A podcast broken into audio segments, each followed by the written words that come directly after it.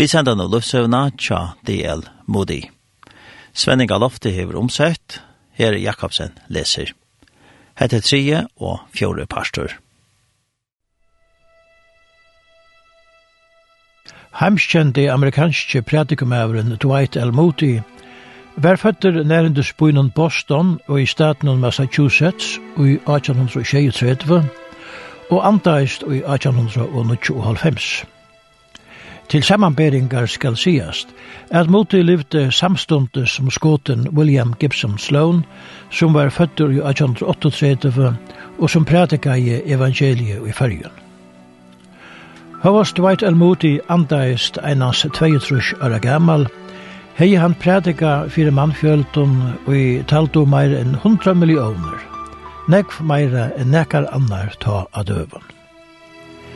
Hesen vi er kjente og virte evangelium bopere, bæra en loande andans eld i barme søgnen, etter at leie menneskje til Kristus, etter at han nøytjan er gammal var omvendur. Han var ikkje einans kjentur i Amerika, men eisni i Europa, særstaklig i England og Skottland. Miskais og Lusverst søgnen seg mot i, Versk mot kjennes størrbærare nu enn nekrandi avur. Akvar en frøye at vera vi og hesson innhestinga verskje fyrir herran.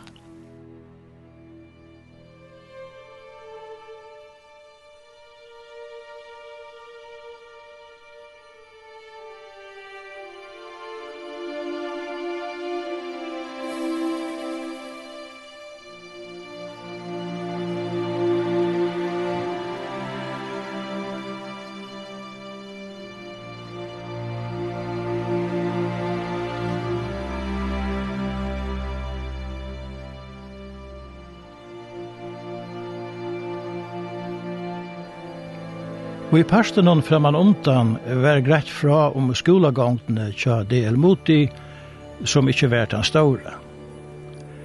Læraren, og var en kvinna, vusti hisson spelska dronjinon sérstakan karlæka og i navne Jesusar, som han omgang til glömte atter løyvenon. Færen ur skolan fekk han arbeid av en bøntagær i her i Nånd. Sætne får han til Boston, høvestegen i Massachusetts. Her fikk han arbeid til mamma Batja, så innom vi tog treit at han får møte og hjelpte til i sundagsskolen og få bøten at komme her. Tre kapittel. Nudge Løvskaus. Moti gikk regullig av møte, sundagsskola og i en flokk fyrir unglingar. Han var ikkje køner i bøybline, men ikkje var til lunsje, så fann han fram imso skriftstøyene, og så vi og vi gjørdes til bøyblien honom ein gåur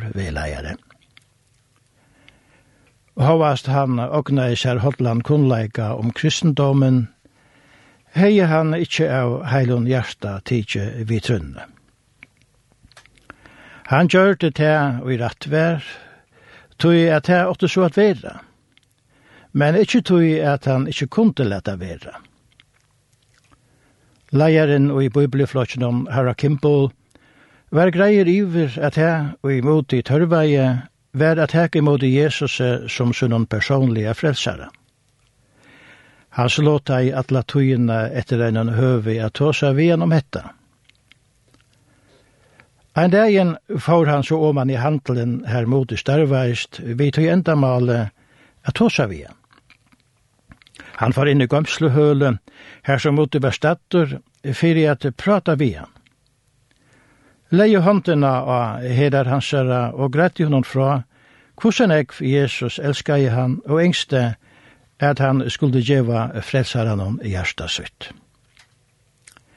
Her og i gømslene, mellom skekva eskjer, gav mot i hesa løte og i hendur gods og i trunne av Jesus. Fra hese stund var han en nutjer mever.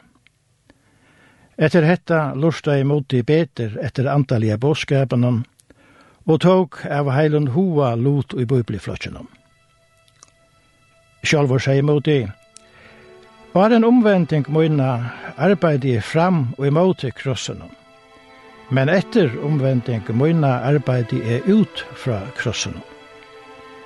Fyrr arbeidde jeg fyrir at vera frelstur, men nu arbeidde jeg tog jeg er frelstur.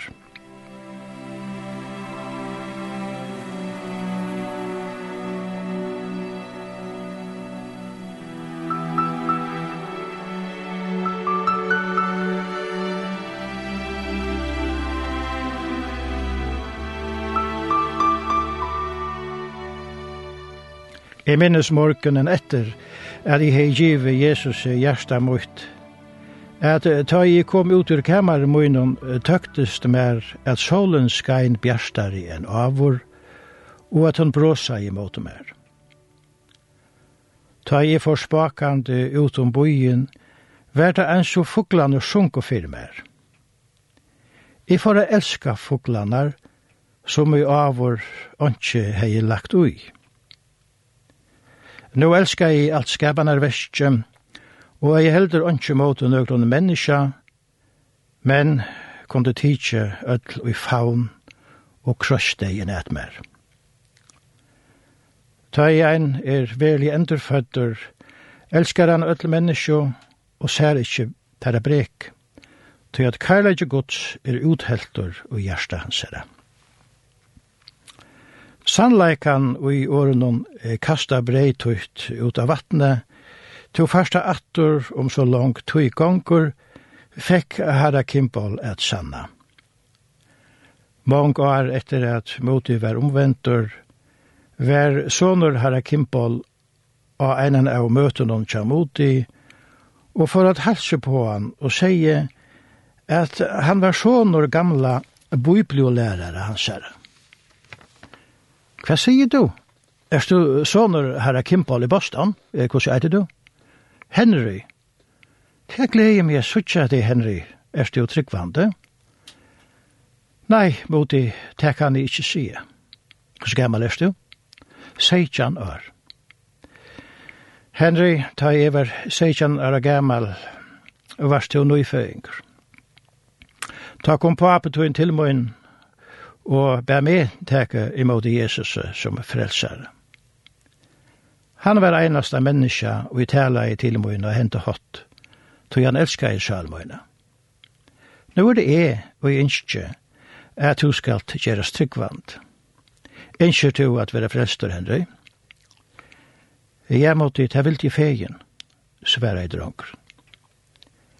Måtte sette seg nyer, pleia jo i bøyblinen, og les et skriftår fyri honom fyri og anna etter. Inntil Henry var kommet til som sannføring som mot i sjolvor hinnafer, da han fikk fribegot vid sig av Jesus Kristus. Mot i prekveie at han var donalier handelsmæver. Han var ikkje nøkter vi einans at standa inne i handelen og boi etter at kontar kom inn, Men han får ut om å bjøve folk å komme til gulvet å kjøpe. Samstundes som han rønte at sandføre folk om, at heimann tørva i servører. Og hende hatt vær handelen til mamma bajanon, nek mer vitsjavur enn over.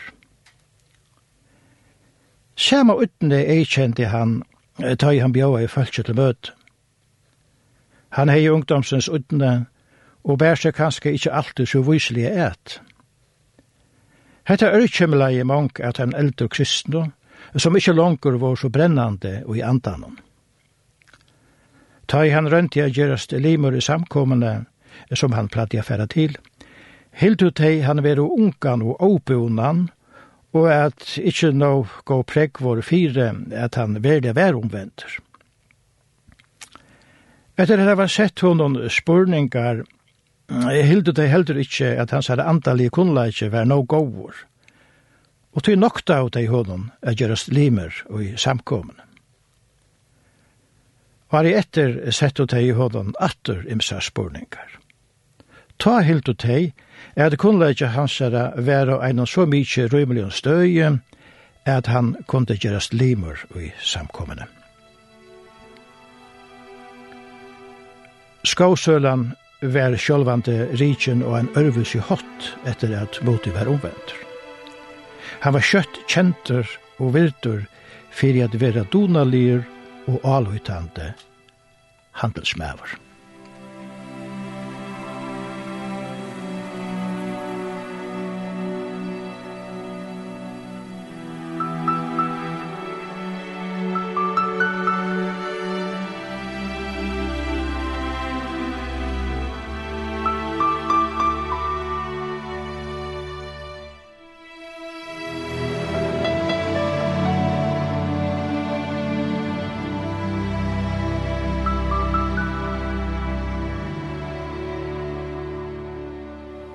fjore pastor, og i Chicago.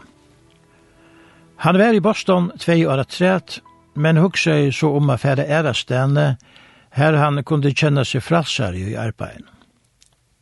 Chicago, nokju bojeren i vestre, var fremst i hoa hans herre. Her vildi han færa, en som mennesker er unger menn, og hadde ho at røyna evne søyne. Og heste 1856 for mot i vest til Chicago. Her han fikk starv i en handle og i bare visse større møveleikar enn i Boston. Her kom han kjøtt samband vi tikkvante at vi er saman vi. Troan hans er at utinna antallet arbeid eldte til og vanligere hoksanar i sinne hans er. Sånne matnar foran ut av gøtenar og inn i skånkjestøyene og be unglingar koma vissere møte. møte og enda hatt fekk han flere jeg komme visser. Moti gjør det sere visken i handelskapen, og vi donaskapet søgnen vann han sær håpen av peningen. Han sette seg fire at vinna seg så mykje av peningen at hun ikke tørva hjelp fra øren. Men og i allare hesare strempan synne, levde han løysut saman vi gode og var varvater fra de ytla samstundes som han hei størst arin av nekvar ungar menn i Chicago, som han rønti a få a møte sunnamøtnar. Men han var ikkje nøkter vi besta gjere hetta. Kjøtt fekk han no mykje gjere. Han hei lagt mest til en luttland sundagsskola i einari av gøtunum. Han far inn og spurte om de hadde bruk for seg. Men det hadde det ikke, då jeg var 16 lærere til 12 bøten. Men om han sjølv kom få fædre av bøten, så var han velkommen at lære til. Hetta var just nækka for han. Nasta sunnede kom han inn ved Aachans matrøntjen, som han hei sauna saman av gøtene. Han gjør det sprått å være over vi, at i hesen hei han sérstakt hekkene. Men visst i eisene at han var ikke så kringur at læra tær. Han far eisen ut av gøtene å få nærmengar til hina flokkene. Urslidet vær at hølekjøtt kjølst og lute. Sérstega heppni hansar og i hesson universitje, etja jo hon at byrja en annan sundagsskola ærastani i byen. Her fekk han brått sånne bøten, at hei måtte leie en stor hus, Settene våre samkommer stående var at hemme støven, her måtte jeg byrja i sundagsskoler. Ein av samverskamånen hans sier, at store høle som det leia og var ekvelig ljøtt innan, og her var skummelet og anken hone. Men korsene gjørtes dette høle stikkvande fullt av dronkjon og gentun, som sundagsskolalæreren omkandu hei seg over. Flest av tæra var det sere åra rujur guttedranger, vi oppnån frøyen sinne. Tær var i skyttnån, kyrstån og slittnån boksen. Ikke var lagt å styra slukon drangjaflotj 500 til 600 i tælen. Men der sjungo vi, så tar runga jo i. Tog alle våre venner råpa harst og høyde tog sera sterska rødt. Etter at sundagsskolen var liver, stod mot i vi uthårene og tog i hånden av dem. Han tøktes kjenne til atler, smultes til dere, og gav dem en øtlom etter vina litt år. Etter flokka av steisen om han fyrir at hev i hånden. Latt være suttja hver det vær, som hei finnst der a komme hier, og hver det vær, og vi fekk der, der a komme hier, viko etter vika.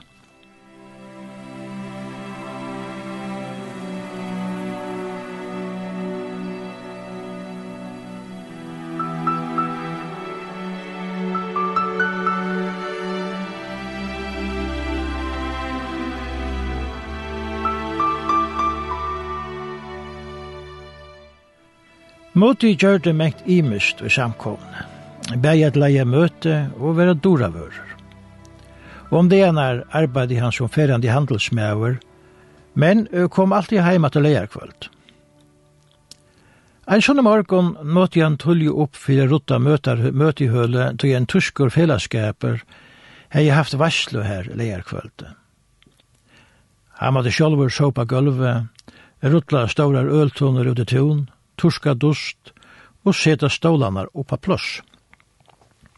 Så gjerne måtte han færre ut i byen at sauna bøten saman i sundagsskola, og da klokkan var tvei var hølet fullt av drøntjen og gentun. Med en tala vær til tarra røndi han samstående så lealig som han kunde, og få at jeg sitte frialig. Etter sundagsskolan får han at vidtja teg som ikkje hadde vært i sundagsskolan om tante egen, eller til som var sjuk. Eisen er ikke igjen foreldrene at komme til kvöldmøtene som han hei leslene av. Slugger de er at han ikke negv, best negre keks og sindra av oste. Var ikke så løye at han var deia trøytter om kvölde, men korsne helt han ikke at han hei just no mykje. Sedna gjørs han greier om at det var ikkje Guds vilje at han skulle fære ytla vi kroppen hon, vi ikkje eta no mykje, og a henda hatt bråta godsjøvne naturlover likamsens.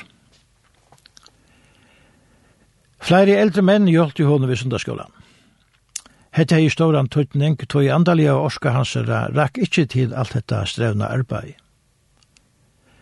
Han ville ikkje lete seg binde av gamlun virkes hattun, eller heva eina fasta fundarskra og ingen visste framan undan hva for å henta hese løtenar. Både sjolvor, etla onkar av hinon, restu seg upp at lesa et brot ur bøypline, gav ut en sang, etla søtto onkla søvo. Men ta i tali av sundagskolabøtnen øktes til 1500, måtte hese løtur ta vera et sindur kipa var. Men ongande sånn ekv at öll visste hva hente hva jeg fyrir. Hver sundagsskolalærare hei sin egna flokk. Men for jeg slipper er vi tar odonalige lærarerne, vi er skipa så fire, er at bøttene kunne skifta flokk om det søtte lærarene fra. Og enda hatt får de fleste bøttene i flokkene tja odonalige lærarene, medan fabøttene kom inn i hina flokkene. Hvordan står en tøtning hese sundagsskolar høtt og færre en vervan av tøy veri sagt fra hese henting. Nukar år etter hetta kom ein evangelistur at vitja. Han kom ur fjölbygden ökje lengt igjen. Han spurte om møte var i hilden legger seg i her. Jo, vær sagt. Her var det sundagsskole som en little jente hei byrja nekra viker framan undan. Evangelisteren hytti hissa tutjara gamla jentena som vi brøsande anlete grette fra sundagsskolan og Chamuti i Chicago, som hon hei gynnsjå i. Pabi hennare hei kjept henne en luttan hest, så hon kunde røya til eina av grannabygden og byrja sundagsskola her. Settene byrja og vanlig møte her, og en vekjeng får fram atlastene her alai. Arbeidet mellom bøtnene brøttest kjøtt til å gjøres et kristelig arbeid mellom vaksen. Eit høle som hever nytt som ølstøva var leia og ombyggt til et møtehøle. Her fikk Mutti gåar møvleikar at bera fram Guds år utan firereiking, som han altså ikke mekna i fremman undan. Fyrst og fyrir han dag året var det onkur som sier honom at han altså ikke dutti at tala. Men kortene gjørdes han en av hemsens største prætikumann.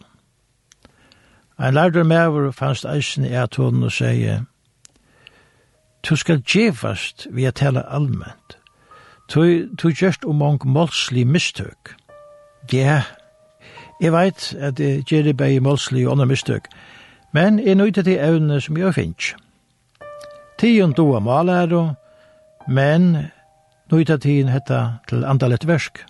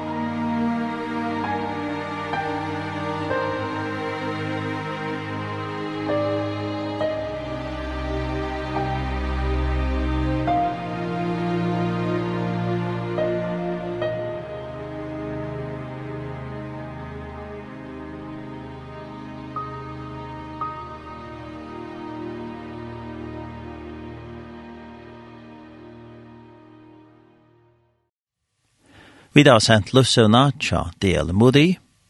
Svenninga Lofte hever omsett. Her er Jakobsen les. Hette var tredje og fjore pastor.